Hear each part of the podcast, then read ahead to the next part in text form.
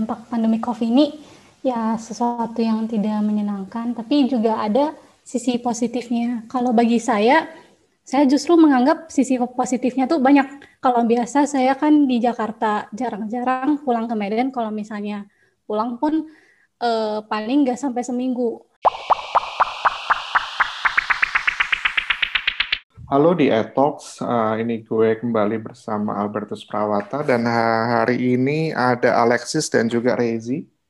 Ini agak agak malu juga gue sebetulnya ngomong di sini karena ini mahasiswa mahasiswa gue dari Binus. Uh, Rezi apa kabar? Baik pak, baik. Alexis apa kabar? Baik pak. Ya, uh, kita mungkin ini melanjutkan dari sesi podcast sebelumnya di Etox di mana uh, pada sesi sebelumnya gue sempat bercerita sedikit uh, kaitannya dengan mengajar di semester yang lalu, di mana kegiatan belajar mengajarnya uh, berjalan secara online. Dan kali ini sekarang mungkin bukan cuma dari satu sisi saja, kita akan mendengarkan dari sisi yang lainnya gitu ya dalam artian sebagai seorang mahasiswa itu bagaimana sih proses menjalani sistem pembelajaran secara online khususnya di jurusan arsitektur. Dan mungkin nanti akan lebih banyak sedikit menyinggung terkait dengan mata kuliah perancangan arsitektur di mana memang uh, gue menjadi salah satu koordinator ya untuk mata kuliah ini kemarin di semester yang lalu. Uh, mungkin bisa kenalan dulu ya sebelum kita mulai. Nanti kita sebelum uh, lanjutkan dengan sesi tanya jawab mungkin bisa Rezi duluan. Silakan Rezi kenalan siapa namanya di semester berapa Oke, okay, uh, eh, halo. Nama saya Rezi Megananda, saya dari Jakarta. Saya mahasiswa semester 3 jurusan arsitektur Universitas Bina Nusantara. Oke, okay. uh, eh, mungkin lanjutkan Alexis, silakan. Oke, okay. uh, eh, halo, perkenalkan nama saya Alexis Selindera, saya dari Medan, uh, mahasiswa jurusan arsitektur menempati semester 3 di Universitas Bina Nusantara. Wah, ya. Jadi ini jauh nih ada satu mahasiswa yang iya. ternyata ada di Medan. Jadi selama kemarin kuliah kamu di Medan ya, Alexis? Ya? Iya, di Medan. Nah, ini berarti benar-benar uh, online nih. Online-nya benar-benar menguasai. Jadi tidak tidak cuma sekedar ini tapi benar-benar secara jarak nih benar-benar jauh. Ya, uh, kenapa sih gue mengundang dua mahasiswa ini gitu ya, nggak nggak mahasiswa yang lain gitu ya? Karena memang uh, kebetulan nih Rezi ini mahasiswa kelompok bimbingan gue dan juga Alexis ini bahkan gue kalau nggak salah belum pernah mengajar Alexis sebetulnya. Benar nggak ya, Alexis? Betul iya, kan ya? Iya belum Pak. Nah, iya. Jadi kenapa tapi Alexis gue undang? Karena dia mendapatkan nilai terbaik dari satu satu apa yang ngomong ya satu, semua jadi dari dari dari mata kuliah perancangan AD3 ini nilai dia merupakan nilai yang tertinggi nah jadi itulah kenapa alasannya dia diundang. Nah, mungkin kalau Rezi kenapa diundang ya? Mungkin salah satu mewakili kelompok gue lah pembelajaran yang sudah gue ajukan seperti apa. Dan nanti mungkin bisa jadi jadi feedback ya juga gitu ya untuk gue secara pribadi sebetulnya. Tapi juga Rezi ini juga uh, cukup baik gitu ya kemarin dalam mempresentasikan pekerjaannya. Dan memang ada beberapa hal yang ada kendala ya Rez ya. Iya pak. yang yang yang sifatnya memang uh, ya tidak ada yang tahu lah itu uh, di luar kehendak kita semua tapi terjadi tapi nanti kita uh, dengar cerita Rezi aja lah seperti apa. Siap pak. Uh, nah ini mungkin tadi pertama udah Rezi yang awal kenalan sekarang mungkin ke Alexis nih ya Alexis. Bisa diceritakan nggak pengalaman kemarin selama proses belajar belajar kegiatan secara online uh, di mata kuliah uh, AD3 ya arsitektural design 3 seperti apa? Di saya emang dampak pandemi COVID ini ya sesuatu yang tidak menyenangkan, tapi juga ada sisi positifnya. Kalau bagi saya, saya justru menganggap sisi positifnya tuh banyak. Kalau biasa saya kan di Jakarta jarang-jarang pulang ke Medan. Kalau misalnya pulang pun eh, paling nggak sampai seminggu. Nah, kalau ini sisi positifnya, aku bisa pulang ke Medan. Terus kalau di Jakarta ke mana-mana mungkin agak susah. Kalau di Medan ya ke mana-mana juga nggak gitu jauh. Nah, hmm. terus selain itu uh, kalau saya online potensi saya bekerja secara individual juga menurut saya sangat ber, eh lebih berkembang karena saya merasa kalau di rumah itu saya lebih fokus dan mungkin nggak ada hambatan gitu sih Pak. Oke, jadi sebetulnya pengalaman kamu online ini sebenarnya dan menyenangkan lah ya intinya secara garis besar. Iya, kalau menurut saya. Jadi kamu semester 1 semester 2 berarti di Jakarta dan ngekos ya berarti ya? Bukan Iya, di rumah ngekos. bukan di rumah saudara atau rumah kenalan itu bukan ya? Enggak, di ngekos. Ngekos ya, oke. Ya, jadi eh, dengan secara nggak langsung berarti sebenarnya online ini menyenangkan ya buat buat kamu. Oke, Iya. eh, gimana Res kalau pendapat kamu? Gimana? Kalau saya sih malah tidak, Pak. saya Nah, sangat tidak menyenangkan, Pak. Iya, Karena eh, saya saya kan eh, memang background saya saya sering keluar-keluar gitu loh dan bersama Hmm. teman-teman kalau misalnya nugas dan saya kalau bahasa kasarnya sih saya anak tongkrongan gitu, Pak. Hmm. Jadi kalau misalnya tongkrongan saya hilang gitu kan kan di online sekarang gitu ya, Pak. Eh, Hmm. itu saya nggak bisa nugas malah. Jadi saya eh, memang tipe orang yang kalau mau nugas tuh saya ajak teman sebanyak-banyaknya dan kita eh, ya nugas lah di kafe atau kayak di restoran gitu. Hmm. Nah di situ nggak tahu kenapa, memang mungkin orang-orang kayak eh, lah bukannya nongkrong malah jadi nggak nugas ya gitu. Kalau saya Hmm. nggak, kalau saya malah tambah niat lagi nugas gitu pak. Oke, oke. Jadi sejak online ini ya nggak ada temen, nggak ada nongkrongan gitu-gitu. Jadi saya benar-benar nggak bisa nugas di rumah dan bahkan saya pernah kesepian banget di rumah. Saya harus saya nelpon satu-satu teman saya untuk nemenin saya nugas gitu. Jadi iya Secara online?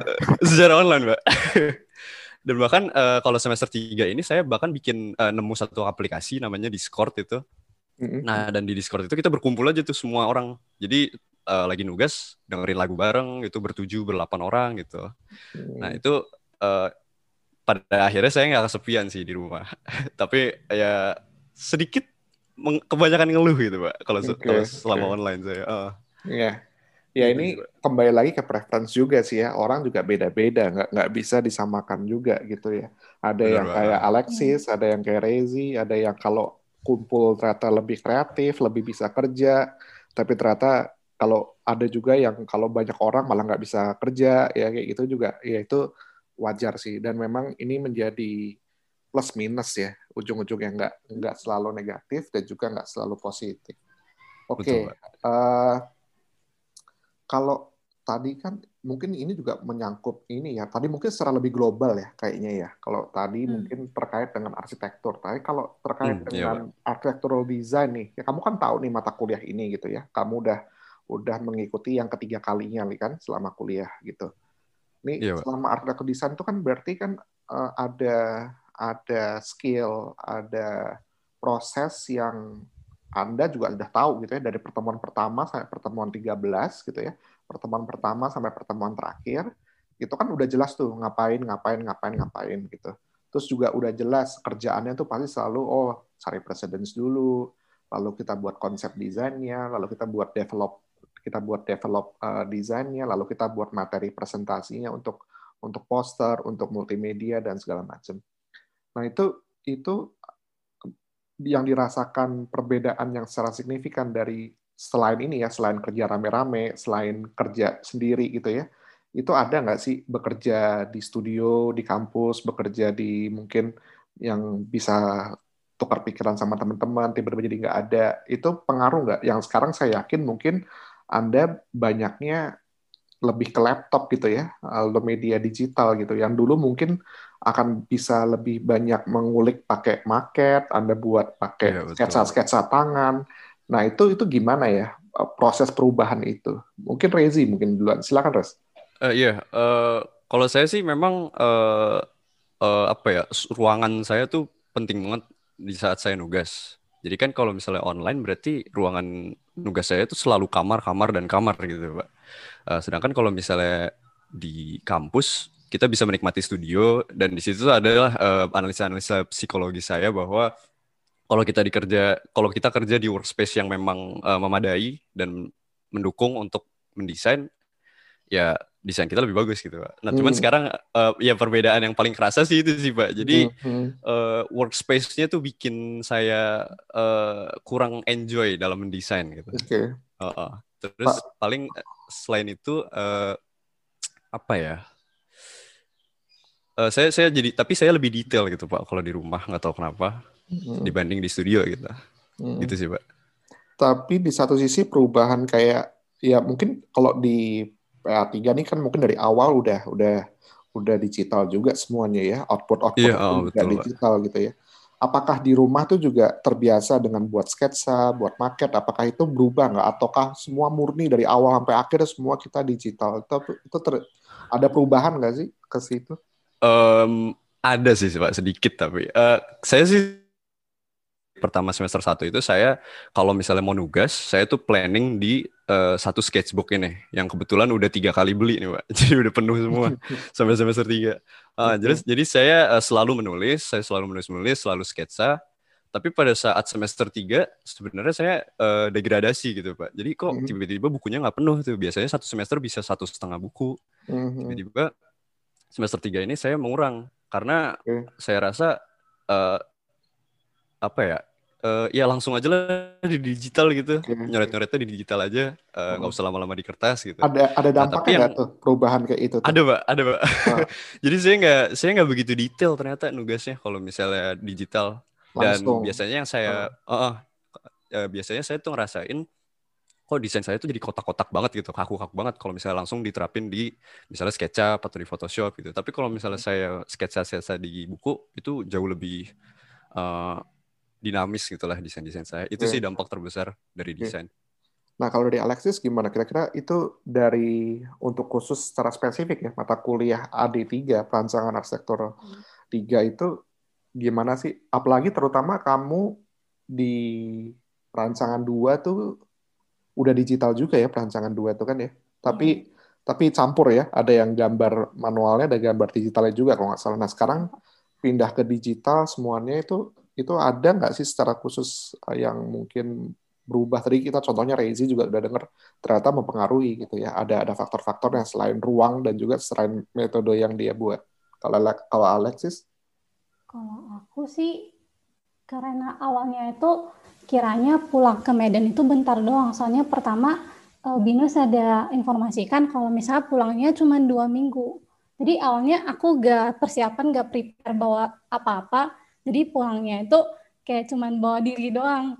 Jadi sampai di Medan itu rupanya eh, harusnya eh, online kan lama. Jadi jadinya kayak ini ini bulan apa Alexis bulan September itu kan bulan Eh, yang bulan awal oh awal awal iya, awal banget berarti Iya, bulan- awal-awal mulai mulai dari bulan Maret dong ya kurang lebih ya hmm.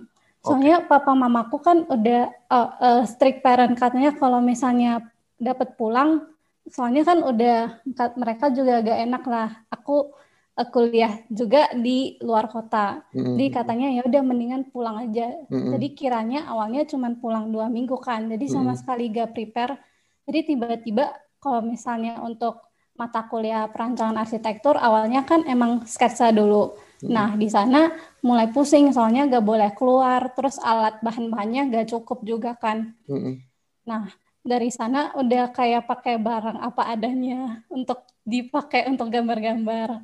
Terus kalau untuk digital sendiri, em, menurut aku eh, aku belajar banyak sih kalau di online ini. Soalnya Mm-mm. dari awalnya yang nggak kenal sama sekali, nggak kenal BIM, jadi kenal BIM, Mm. jadi tahu gimana cara pakai Revit dan segala macam gitu, Pak.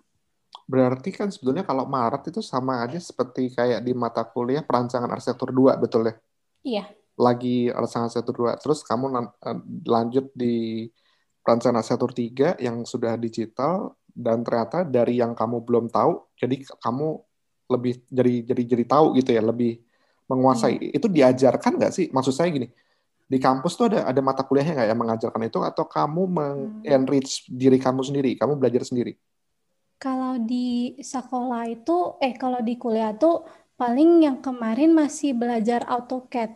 Jadi se- untungnya sebelumnya aku udah pernah kursus eh, Revit, jadi udah mulai ngerti-ngerti sedikit Oke. tentang Revit gitu, Pak. Oh, jadi sebelum mengambil mata kuliah perancangan arsitektur 3 ini, kamu udah les dulu ya? Sudah pernah?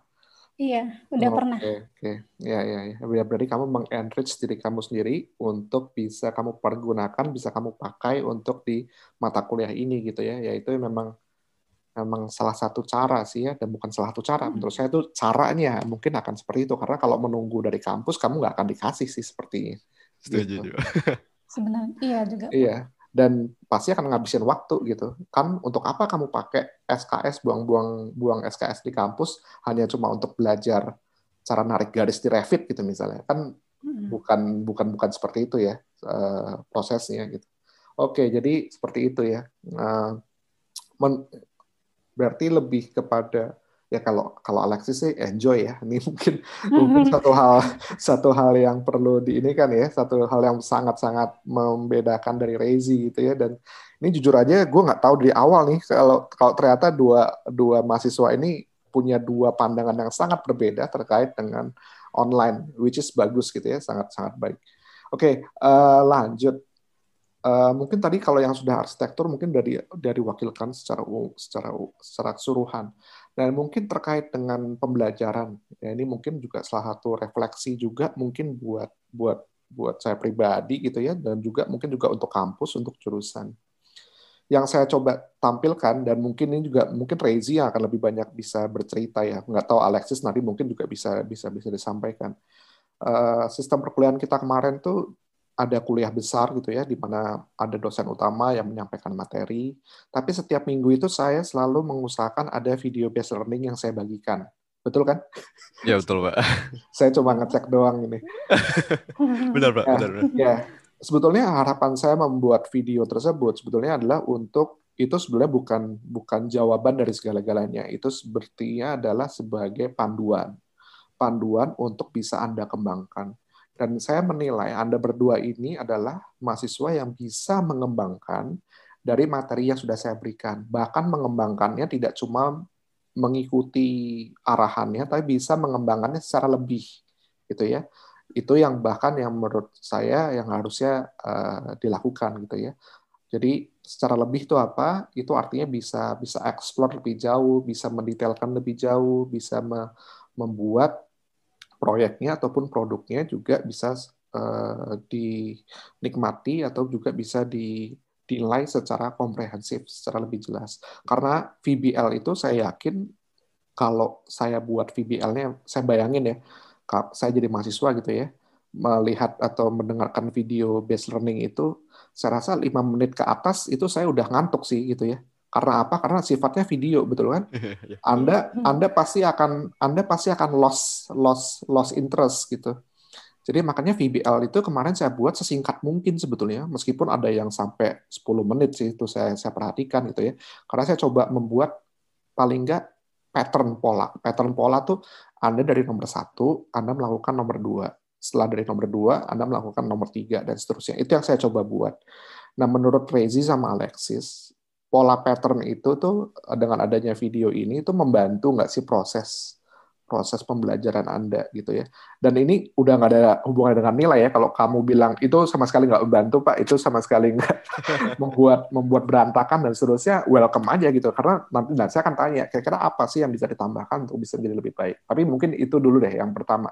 Kira-kira dengan ada video based learning itu uh, membantu nggak sih dalam proses perancangan yang Anda lakukan? Siapa duluan ya? Alexis deh. Uh, kalau saya, menurut saya membantu banget sih Pak. Soalnya kalau misalnya kita kelas kan kadang nggak fokus atau gimana, kita kayak bisa ngulang-ngulang lihat videonya. Terus di dalam VBL itu kayak saya ada belajar sesuatu sih, kayak misalnya um, saya udah mulai ngerjain tugas itu per checklist. Jadi misalnya yang pertama harus ini dulu, yang kedua ini, yang ketiga itu. Jadi kayak lebih tersusun gitu. Jadi nggak nggak kelamaan kalau nugas gitu pak.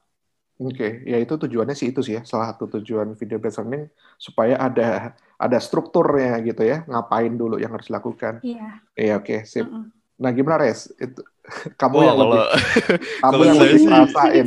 Iya pak, uh, saya sih merasa terbantu banget sih pak tentang VBL itu uh, dari pertama hari pertama saya join kuliah stupa uh, kalau nggak salah Pak Berto menyajikan satu video yang panjang ya kalau nggak salah ya Pak ya? kalau yang pertama kali itu.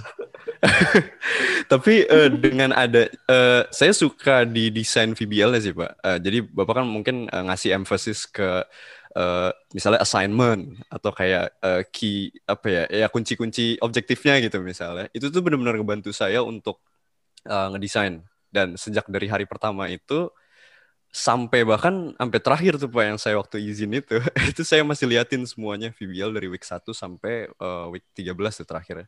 Hmm. Karena uh, saya tahu di situ oh ya udah strukturnya seperti ini. Ya udah saya sebagai mahasiswa tinggal analisa aja uh, dosen saya mau apa. Terus ya udah simply do it gitu Pak. Kalau saya sih gitu waktu itu. Uh, uh, dan saya sih tapi menemukan ke apa ya kebetulan saya sih nggak miskom dengan uh, perintahnya dan hmm. itu mungkin karena memang saya benar-benar analisa banget kalau bahasa saya sih overthinking tuh pak hmm. saya benar-benar overthinking dengan benar-benar kata per kata yang uh, tersedia di VBL dan alhasil saya sih berhasil uh, mengerjakan uh, tugasnya itu ya searah sama objektif gitu setiap minggu. Nah tapi saya menemukan kadang memang teman-teman uh, saya uh, masih adalah yang bingung gitu sehingga ya uh, ternyata ya ternyata itu karena kebingungan uh, karena jadi uh, kurang kurang pemahaman kurang pemahaman VBL yeah. gitu pak. Uh, jadi yeah. mungkin uh, tiap minggu mungkin ada yang di uh, di apa ya bahasanya apa itu pak? Di ya di dimarahin gitu kali ya pak. Atau kayak misalnya iya gitu pak. Uh, iya terus mungkin uh, karena saya memang tipe orang yang uh, saya nggak bisa belajar sendiri saya harus sama teman-teman jadi saya lebih ke gimana ya saya gimana caranya saya ngundang teman-teman untuk belajar bersama saya? Oh ya udah saya ngajarin aja semuanya gitu. Hmm, ya, hmm. jadi saya kumpulin teman-teman yang uh, teman-teman dekat saya. Lalu saya ya metode belajar saya dengan cara ngejelasin ulang VBL ya yang hmm. dibuat gitu. Dengan hmm. pemahaman yang mungkin bahasanya lebih lebih kita gitu loh lebih mahasiswa itu pak. Apa, apa karena bahasa bahasa Inggris? Uh, oh enggak enggak, kalau saya sih enggak enggak enggak keberatan, tapi, cuman mungkin beberapa penjela teman saya penjelasannya kan bahasa Indonesia setahu saya. saya iya iya, uh, voice over bahasa Indonesia. uh, tapi iya mungkin uh, sering agak miskom di penyajian bahasa Inggris sih kalau saya boleh hmm, cerita hmm, sih, Pak. Uh, hmm. uh, mungkin ya tapi kan kalau saya sih jadi tertantang. Oh, ini saya oh ternyata miscellaneous itu artinya dan lain-lain gitu. Maksudnya hmm. jadi terpancing belajar sih sebenarnya. Cuma yeah, bagi teman-teman yeah, yeah. yang uh, yang kesulitan uh, ya gitu rada biskom mungkin pak ya kembali lagi kayak individu lah tapi masing-masing tapi tapi Betul. ini sebetulnya saya juga mau cerita sedikit ya uh, terkait pembuatan VBL itu emang emang tidak mudah tidak mudahnya itu saya juga harus bisa memposisikan diri saya saya selalu berusaha memposisikan diri saya kalau jadi mahasiswa gitu ya sebetulnya Nah, terkait dengan bahasa, language, sebetulnya tinggal cari kamus sih kalau menurut saya. Tinggal, tinggal dicari tahu. Bener, bener, bener. Karena karena eh, kata-kata uh, yang ada di sana juga sifatnya bukan esai ya, sifatnya kan poin-poin aja gitu, tinggal tinggal dicari harusnya akan ketemu lah maksudnya gitu. Nah memang yang cukup memberatkan itu sebetulnya adalah kalau saya lihat adalah menerjemahkan uh, objektif ke dalam sebuah produk gitu ya uh, membuat membuat atau menyelesaikan satu permasalahan aja sulit gitu ya. Apalagi ini ada sampai empat kan gitu ya. Harus harus ditanya ter, harus ditanya terkait dengan sektor tradisionalnya harus ditanya terkait dengan sustainability-nya ditanya terkait dengan strukturnya dan segala macam. Jadi emang menurut saya kuncinya sebenarnya adalah di di di time management gitu ya. Karena kalau kalau kita menumpuk sampai akhir tuh pasti nggak akan nggak akan beres. Yang saya cermati dari keberhasilan Anda itu sebetulnya adalah konsistensi secara komprehensif. Hmm. So, konsistensi secara komprehensif itu apa? Jadi kalau kita menjadikan suatu produk gitu ya, misalnya sebagai contoh produk gambar denah gitu ya. Nah menurut saya produk gambar denah itu semua objektifnya harusnya ter, tercantumkan di gambar denah tersebut. Jadi bukan berarti kalau Anda ingin menjelaskan kekaitannya dengan arsitektur tradisional, di gambar denah Anda informasi mengenai sustainability desainnya malah nggak ada. Sebagai contoh, misalnya Anda menerapkan sistem sirip penangkal cahaya matahari di sisi barat gitu ya. Munculnya cuma di tampak doang, di denah nggak ada ya. Gimana saya memahaminya itu gitu. Wow, iya, yang iya. seperti yang seperti itu gitu. Nah, itu itu banyak yang tidak paham terkait dengan itu gitu. Jadi menurut saya uh, perlu ini ya, perlu ya nggak apa-apa ya ini proses. Dan saya bersyukur ada contoh gitu ya ini ada Alexis ada Rezi. Jadi Anda harusnya menjadi corong gitu ya corong ke teman-teman untuk mencontohkan. Dan saya sengaja tuh saya buat grup dan saya mention gitu ya ini nama-nama mahasiswa yang berhasil. Silakan dilihat silakan di dicontoh atau bisa ditanyakan ke mahasiswanya yang berhasilnya apa gitu. Jadi eh, ya terima kasih. Itu mungkin kamu saya mungkin harus mengundang beberapa mahasiswa yang kesulitan lagi ya menanyakan kesulitannya di mana gitu ya. Supaya supaya jelas kalau kamu mungkin responnya baik tapi mungkin saya yakin yang tidak jelasannya itu apa. Dan mungkin tadi Rezi yeah, juga yeah. sudah menyampaikan ada kendala bahasa mungkin. Tapi saya nggak tahu siapa tahu ada ada kendala lain gitu ya. Tapi uh, harusnya nih ya harusnya dengan kalau saya mungkin tipenya 50-50 gitu ya. Saya butuh suasana seperti Rezi, saya tapi hmm. juga menikmati seperti Alexis sendiri gitu. Okay. Nah, dengan dengan keadaan seperti ini menurut saya kemampuan atau keinginan ataupun kesempatan Anda untuk mengenrich diri Anda sendiri itu harusnya gede ya. Anda pakai tinggal buka yeah. YouTube, tinggal ini, tinggal itu, wah pasti belajarnya banyak banget deh. Saya saya yakin itu segala macam. Betul. Dan, dan itu bisa bisa dikembangkan. Jadi uh, Anda masih cukup panjang nih masih punya PA 4, PA 5 gitu ya sampai nanti TGA gitu ya dan saya berharap ini bisa Anda tingkatkan lah proses ini dan pasti nggak akan jauh-jauh dari apa yang sudah diajarkan gitu. Jadi harusnya tinggal mengembangkan supaya apa lebih baik lagi. Nah, uh, mungkin apa lagi ya mau gue jadi, jadi bingung. Uh, mungkin ini kalau tadi terkait dengan PA ya. Uh, untuk PA3 kemarin ada ada kritiknya nggak? Ada saran atau apa? Pak terlalu susah. Pak ternyata empat objektif tuh berat banget. Apakah cukup dua aja atau gimana? gimana sis? Uh, mungkin kita mewakili mahasiswa lainnya juga sih. Iya nggak apa-apa. Um, apa ya Ji? uh, dari aku, uh, mungkin kalau dari aku ya, uh, dari preparasi saya dari tugas presiden ke konseptual design, kadang nggak konsisten gitu. Kadang hmm. bisa lambat, kadang bisa cepat. Kayak pada proses konseptual design, mungkin agak terburu-buru, mungkin gara-gara belum ketemu ide konsep uh, kayak aspek tradisionalnya, solar seedingnya itu mau diapain. Kayak kita sebenarnya udah dapet elemen yang udah yang mentah gitu, kayak misal elemen atapnya. Tapi kayak masih belum tahu cara yeah, yeah. ya mengerubahnya gitu pak. Gitu. Ya sebenarnya masalah waktu ya kalau mau kritik hmm. sih. Waktunya kurang. Dan rasanya kalau soal waktu semua orang di mana-mana sama. Ya, pasti akan kekurangan waktu. Kalau kamu rasa apa rasa ada. Uh, saya mah apa ya kalau kritik ya pak? Uh, eh, mengenai PA3 sih paling iya, saya kesulitannya ini. Uh, waktu itu kan saya ngelihat soal nih pak yang dikasih hmm. uh, cultural tulisannya cultural tradisi uh, cultural art gallery gitu kan. Hmm. uh, terus uh, ya saya baca uh, saya baca soalnya habis itu saya baca oh lokasi ini pik nih wah asik nih. Saya saya, saya kayak semangat semangat dulu tuh awal-awal gitu kan. Habis itu uh, saya imajinasi saya tuh udah ke mana-mana tuh waktu pertama-tama. Uh, benar-benar wah bikinnya ntar kayak uh, bentuk bunga aja kali ya tuh. Uh, terus outdoor space-nya banyak. Saya saya mikir-mikirnya kayak gitu kan Uh, terus tiba-tiba pas uh, ngelihat site-nya dan melakukan analisa gitu-gitu, tiba-tiba uh, dari week 1, 2, 3 makin makin lama tuh imajinasinya main makin menciut Pak dari saya. Jadi uh, makin gak bisa nih, ah nggak bisa, ah di sini nggak muat nih, ah di situ kurang bagus nih ternyata itu gitulah.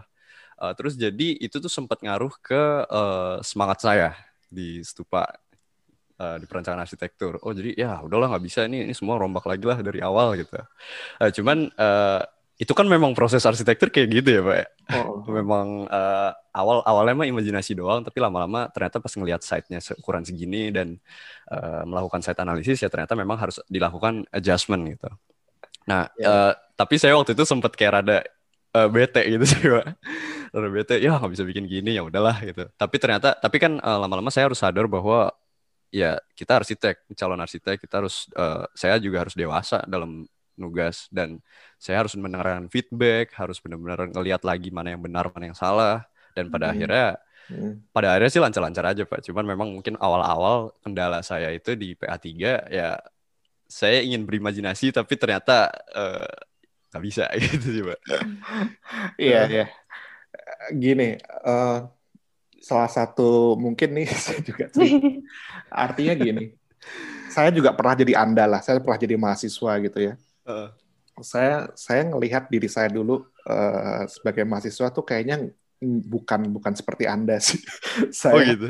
saya saya cuma cenderung ngelihat kalau ada tugas ya udah dikerjakan sebisanya ya udah buat sebagus bagusnya ya selesai gitu sudah gitu Oh, nggak gitu. sampai Oh. nggak sampai jawabannya sekeren kayak Rezi tadi aduh ada kesempatan ini lah pengen imajinasi ini makanya dan Oh, gitu. dan saya juga cenderung ngelihatnya gini biasanya di pertemuan awal tuh emang bahaya memang bahayanya tuh apa saya yakin begitu soal diberikan imajinasi kamu tuh pasti liar di kepala Hmm. kamu tuh pasti udah kebentuk wah nanti desain bentuknya begini nih Iya berarti bener ya pak. Iya, iya.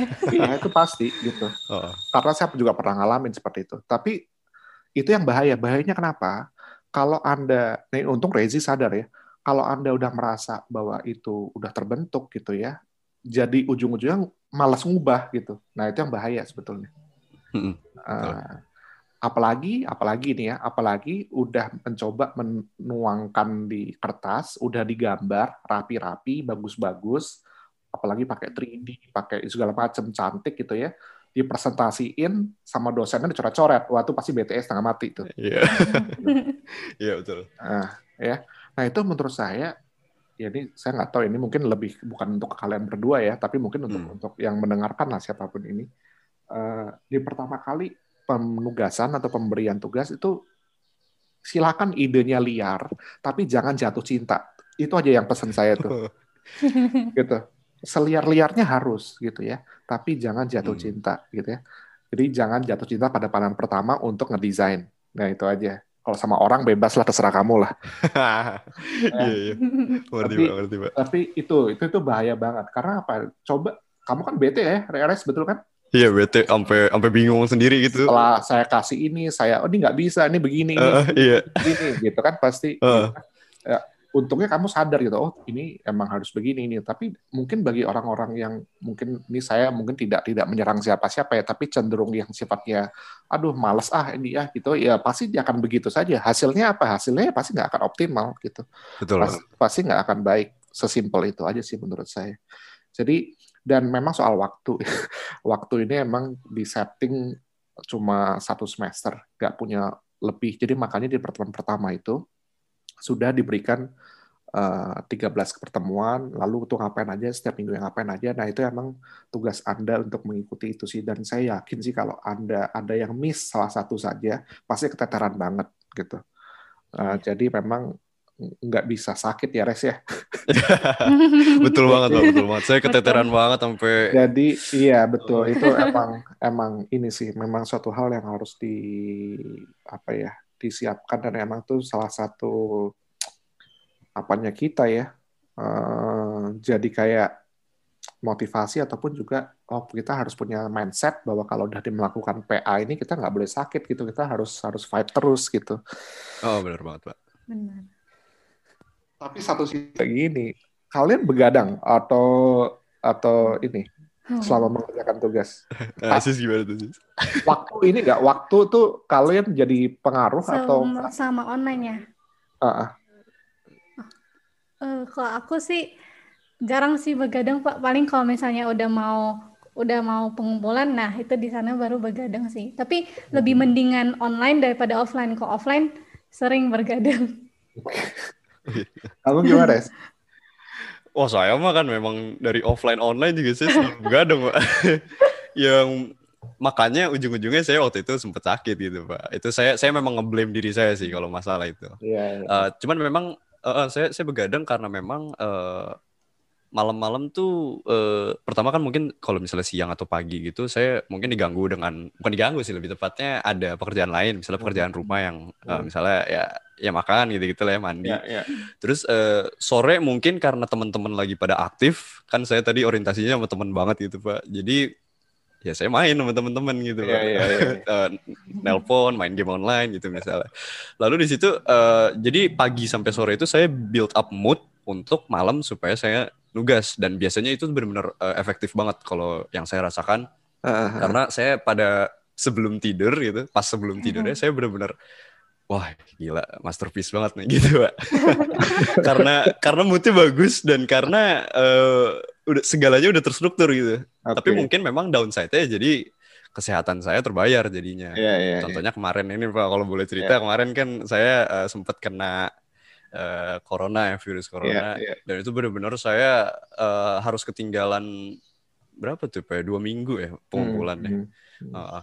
dan di situ saya ngerasakan bahwa wah udahlah udah kapok udah nggak mau begadang lagi udah Hmm. benar-benar ya solusinya harus ya ini nih teman-teman yang tadi ini disingkirin dulu bentar fokus Hmm. dulu ke tugas Hmm. jadi nanti pas sore nugas malam ya udah istirahat gitu lah Hmm. dan itu benar-benar saya pelajarin banget eh, moralnya bahwa eh, kesehatan tuh benar-benar jauh di atas eh, kepentingan nilai gitu pak di situ Hmm. sih Hmm. karena Iya, saya iya. benar-benar waktu itu saat eh, saya kan waktu itu meriang eh, meriang nggak bisa sesak napas dan nggak bisa ngerasain apa-apa dan bahkan saya sampai tumbang dari eh, kursi komputer saya gitu pak tapi tangan saya masih di komputer nih karena saking saya takutnya sama nilainya gitu loh pak karena benar-benar itu empat atau lima jam kemudian tuh udah pleno tiga gitu. Iya, iya. dan eh, eh, makanya saya sampai eh, terus lama-lama saya sadar udahlah ngapain? Ini ini kesehatan loh gitu. Kok Betul. masih aja dikorbanin gitu. Dan ada- akhirnya pada saat itu saya eh, izin ke Pak Berto ya lewat WA habis itu ya pas saya nggak bisa saya izin. Dan ya udah saya istirahat. Saya buru-buru telepon ibu saya lah kayak mah nggak apa-apa ya mah nilainya eh, segini gitu. Iya nggak apa-apa yang penting kamu sehat gitu gitu dan di situ ya udah istirahat terus dan tuh dua minggu tiga minggu dan pada akhirnya eh, agak pulih di situ baru bisa eh, lanjut lagi gitu nge-push banget Iya, iya. Iya, sebetulnya nggak saya nggak tahu nih. Saya pernah ceritakan ini sebetulnya. Eh, saya nggak tahu udah udah kalian udah pernah mendengarkan atau enggak gitu ya. Saya tipenya mungkin kayak Rezi gitu ya.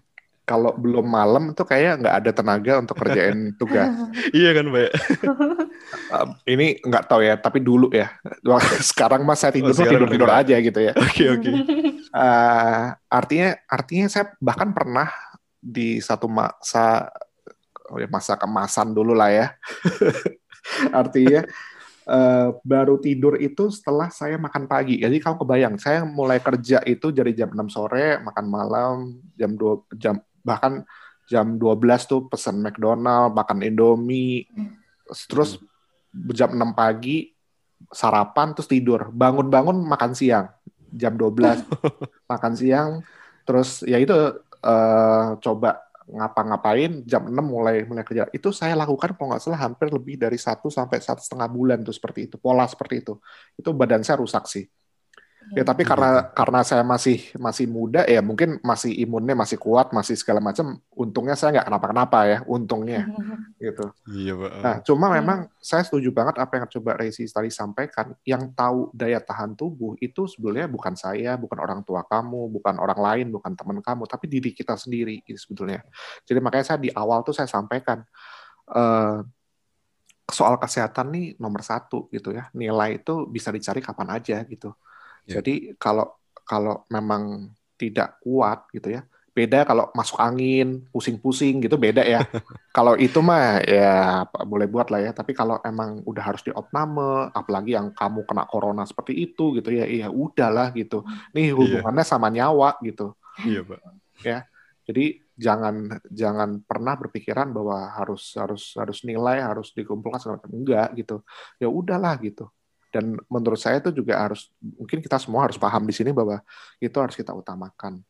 Dan kayak Alexis nih mungkin juga banyak dan menurut saya ini ideal banget kalau bisa seperti Alexis jarang begadang, mungkin begadangnya kalau pada saat-saat tertentu saja. Artinya apa? Time managementnya jalan gitu time management ini segala-galanya dan saya nggak bisa maksain res lu kayak Alexis dong kayak bisa ini gue yakin Rezi malah malah malah makin bete. gila gitu iya betul Iya, gitu semua orang pasti punya beda-beda punya pola-polanya. Nah ma- jadi harus harus harus dipahami gitu ya. Yang kayak Alexis juga ada nih teman saya nih. Dia nggak bisa begadang. Saya pernah cerita mungkin ya dia jam jam 10 jam 11 tuh dia pasti ngantuk. Dia dan dia pasti tidur gitu. Iya iya. Tapi IPK, IPK-nya berapa? 398 kalau nggak salah 3,98 jadi nyaris 4 waduh. Nah, jadi bisa nggak sih saya seperti itu? Ya nggak bisa lah, itu dia dia gitu. Saya saya gitu. Sama Alexis Alexis, Rezi Rezi. Tapi eh, kita harus bisa menilai gitu ya bahwa cara kita itu itu ya silakan diatur masing-masing, tapi perhatikan kesehatan, tapi juga eh, bagaimana cara kita mengatur eh, tugas-tugas yang diberikan sehingga juga hasilnya juga bisa menghasilkan hasil yang baik. Jadi ya sebetulnya ini cukup kubu utara kubu utara selatan ya kayak kutub utara kutub selatan tapi menurut saya ini bagus gitu ya. Eh, dan setuju ini lagi masa-masa sulit seperti ini, kesehatan rasanya menjadi yang paling utama. Dan tidur itu menjadi salah satu apa ya istilahnya ya pencegah sakit lah ya intinya ya tidur itu. Karena imun anda di, Iya betul pak. di restore kembali pada saat tidur. Dan tidur itu juga bukan tidur jam 1 pagi jam 2 pagi enggak. Tidurnya ya di bawah jam 11 bahkan. Jam 11 tuh kalau bisa udah tidur nanti pagi-pagi kita sudah bangun. Dan rasanya itu akan lebih baik gitu ya. Ya Iya, Pak. pola hidup dan segala macam lah. Cuma memang ya kadang-kadang eh, keadaan tidak mendukung ya. Kayak kamu tadi bilang harus begadang segala macam. Lebih seru lebih asik ya. Bener juga gitu ya. Cuma ya coba dibatasi dan kita tahu kondisi dan segala macam yang harus kita perhatikan Iya benar pak. Iya. eh apalagi ya ini kayaknya udah udah cukup panjang lebar kayaknya gue lebih banyak ngomongnya daripada kalian ya Wah, apa pak? terakhir deh nih pertanyaan terakhir.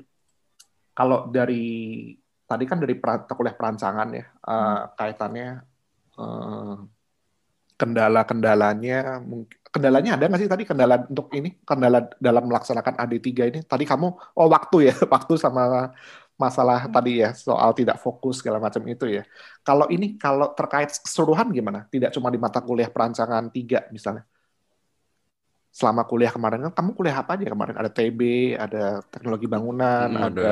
Yang baru tuh site planning itu kan ada itu, oh, oh, bahkan susah tuh kan. Em, terus, eh, sebenarnya bukan Kendalanya- bukan kesusahannya sih. Selain, Eh, selain ini ya, selain waktu, selain itu apakah masalah delivery ataukah masalah ada ternyata Pak mata kuliah online itu harus banyak Vkonnya jadi 13 kali pertemuan harus 13 kali Vkon gitu atau gimana? A- Ada nggak sih kira-kira atau apa ide dari Anda atau atau apa ya sebenarnya saran kritik apa pun itulah kira-kira?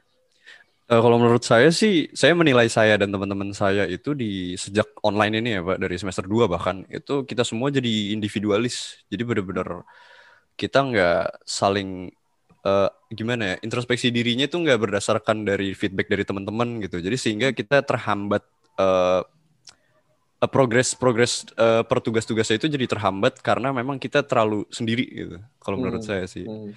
Nah, eh, kalau waktu itu sih saya pernah ngidam-ngidam eh, kayaknya nih kalau misalnya tugasnya kelompok nih asik gitu. Atau Hmm. misalnya eh, ya ada project kelompok gitu lah. Padahal saat planning kelompok kan ya harusnya. Iya. Eh, Ada ada kelompok. Iya, harusnya side planning kalau yang offline kan kelompok tuh ya, Pak. Eh, Hmm. bahkan sampai jalan-jalan dan itu benar-benar waktu hari pertama side planning ditunjukin sama eh, dosennya, habis Hmm. itu seru banget gitu dan kita Hmm. udah benar-benar looking forward eh tapi ternyata ya Hmm. harus Hmm. sendiri-sendiri gitu. Hmm. Nah, habis itu jadi intinya nggak ada sih Pak kalau misalnya sekarang eh, semester 3 yang kelompok-kelompok itu nggak ada dan Hmm. mungkin itu bisa jadi salah satu solusi supaya kita benar-benar nggak individualis dan kita benar-benar ngerti eh, Oke. dari berbagai pandangan gitu Pak Oke, oke. mengenai tugasnya. Iya, jadi memang pen- jadi menurut kamu res penting juga supaya kita juga bisa ngelihat teman gue ini ngapain sih, lu buat ini gimana tuh itu seru ya.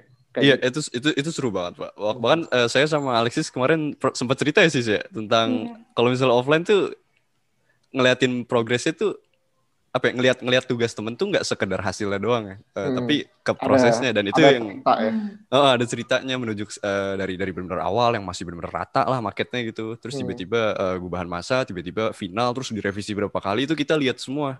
Sehingga Hmm. itu memancing kayak oh iya kita eh, oh dia punya masalah ini, oh kita pelajarin gitu. Oh iya udah berarti Hmm. nanti mumpung gua belum bikin nih marketnya. Jadi Hmm. ya gue belajar dari dia gitu Iya. misalnya. Nah, jadi kalau yang waktu offline tuh benar-benar seru banget karena saya merasakan eh, bahwa kita tuh benar-benar kuliah gitu. Kalau sekarang sih lebih kayak online learning aja gitu. Dan saya nggak nggak nggak kerasa bedanya. Ya terus bedanya apa ya SMP, SMA, kuliah eh, sama kerja kalau misalnya online kayak gini gitu. iya. terus eh, iya karena memang euforia kuliah itu kan kerasa di kampusnya, nongkrongnya gitu-gitu mungkin ya, Pak. Oke. Eh, iya, jadi itu benar-benar ngaruh banget Oke. sama dan itu menjadi kena eh, bisa jadi solusi sih Pak kalau yang kelompok itu atau kayak at Hmm. least kita ketemu gimana gitu. Cuman mungkin kalau ketemu agak nggak bisa ya Iya, kalau iya. sekarang. Iya. ah. Gimana Alexis ada tambahan? Sebenarnya, eh, kalau dari aku sih hampir sama kayak Rezi sih, gara-gara kita individual, jadinya lebih miskom. Contohnya kalau misalnya kita offline tuh kan bareng-bareng teman, jadinya kayak, oh besok ada kelas ya, kayak lebih uh, banyak ngobrol jadi kayak tahu oh progresnya sampai hmm. sini sini. Jadi okay. kalau sendiri itu kayak gak tahu. Kadang kalau ada kelas juga kelupaan sendiri. Nah di PA2 tuh banyak absennya gara-gara kelupaan kalau ada vikon gitu-gitu. Iya iya iya. Iya dua berarti. Itu iya sih. Itu ya itu sulit sih. kalau kayak gitu. Iya iya oke. Okay. Oke, terima kasih Rezi, terima kasih Alexis bincang-bincangnya. Uh, ya seru lah ya. Saya dapat sedikit masukan, saya dapat sedikit uh, tanggapan yang mungkin saya juga belum belum tahu secara langsung gitu ya dengan adanya Anda memberikan feedback ini tentu saja menjadi satu masukan bagi saya pribadi dan juga mungkin untuk teman-teman lainnya yang mendengarkan di sana. Uh, sukses nanti kita masih online lagi nih sepertinya semester depan. Oke, okay, Pak. Ya. Jadi dipersiapkan. Uh, sekarang lagi UAS ya, lagi mau lagi mau UAS apa sudah UAS? Iya, kita lagi nunggu UAS pak. Uh, terus ya. mungkin beberapa soal udah rilis karena memang uh, perlu okay, pengerjaan okay. lebih. Uh. Ya, ya. Oke, selamat mengerjakan UAS-nya. Semoga hasilnya baik-baik semua. Berhasil berhasil. Nanti kita ketemu lagi. Saya nggak tahu ketemu lagi nggak di semester 4 lagi nih. Saya nggak tahu saya ngajar apa soalnya. Oke, okay, Pak. Tapi kalau kalau uh, ke depannya harusnya di PA 4 harusnya Anda bisa mempertahankan, bisa uh, pola patternnya pasti akan sama. Jadi tinggal dipertajam dan dikuasai secara lebih komprehensif. Thank you Rezi, thank you Alexis. Oke, okay, makasih balik Pak. Ya, terima kasih. Sampai ketemu lagi. Uh, sekian dari Etox. Uh, dadah.